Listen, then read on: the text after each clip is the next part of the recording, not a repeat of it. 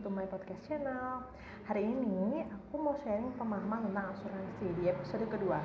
Aku nggak tahu nih mungkin teman-teman yang lagi dengerin podcastku hari ini Apakah sudah insurance minded atau bahkan masih skeptis dengan asuransi. Tapi buat aku itu nggak akan jadi masalah. Selama teman-teman masih mau dengerin podcastku Masih mau dengerin uh, tentang sharing asuransi Berarti teman-teman mulai membuka pintu untuk mengerti dan memahami tentang asuransi. Oke, semoga sharingku hari ini bisa bermanfaat ya buat teman-teman yang dengerin podcastku. Aku langsung aja ke topiknya. Sebenarnya apa sih yang terlintas di benak teman-teman semua ketika mendengar tentang asuransi? Ada yang langsung jawab uh, asuransi itu BPJS. Uh, at least berarti itu asuransi kesehatan.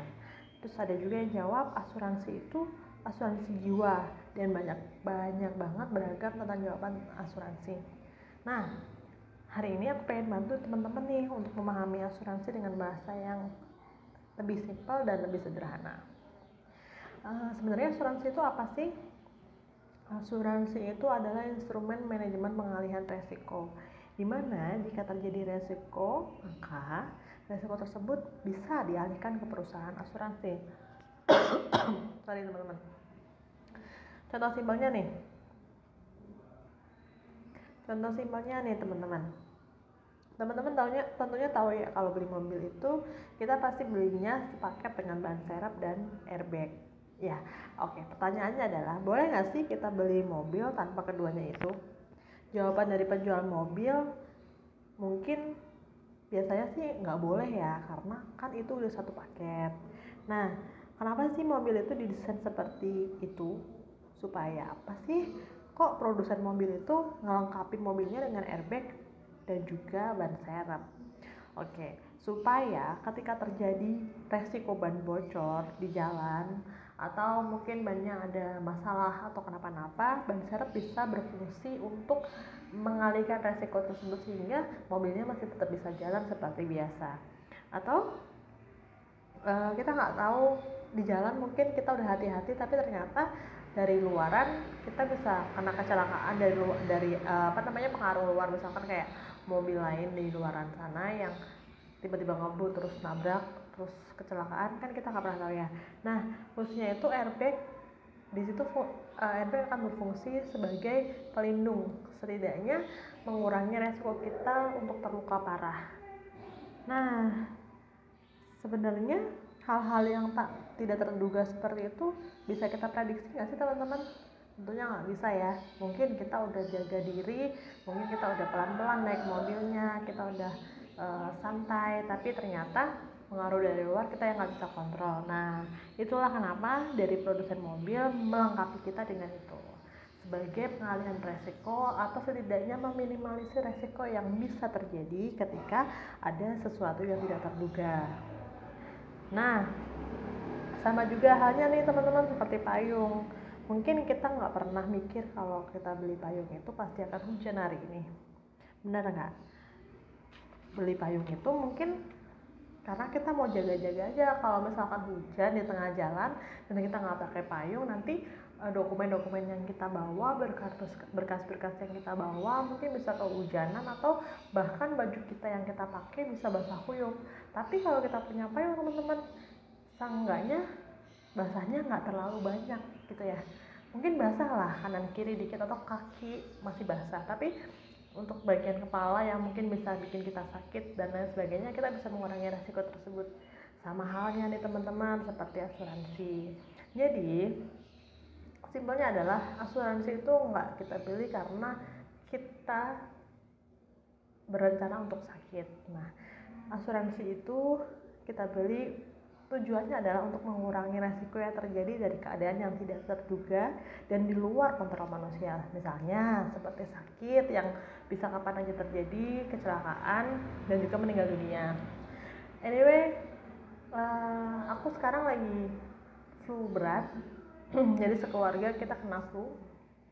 Dan itu rasanya gak enak banget, bener-bener gak enak sampai gak bisa uh, nelan aja tuh sakit susah. Nah, uh, sakit yang kayak gitu yang kita nggak bisa kontrol yang tiba-tiba datang. Dan mungkin kalau cuma flu kan masih ringan lah ya nggak terlalu yang gimana gimana tapi itu juga udah nyiksa banget sih kayak mau ngapa-ngapain susah mau duduk aja pusing kepala gitu.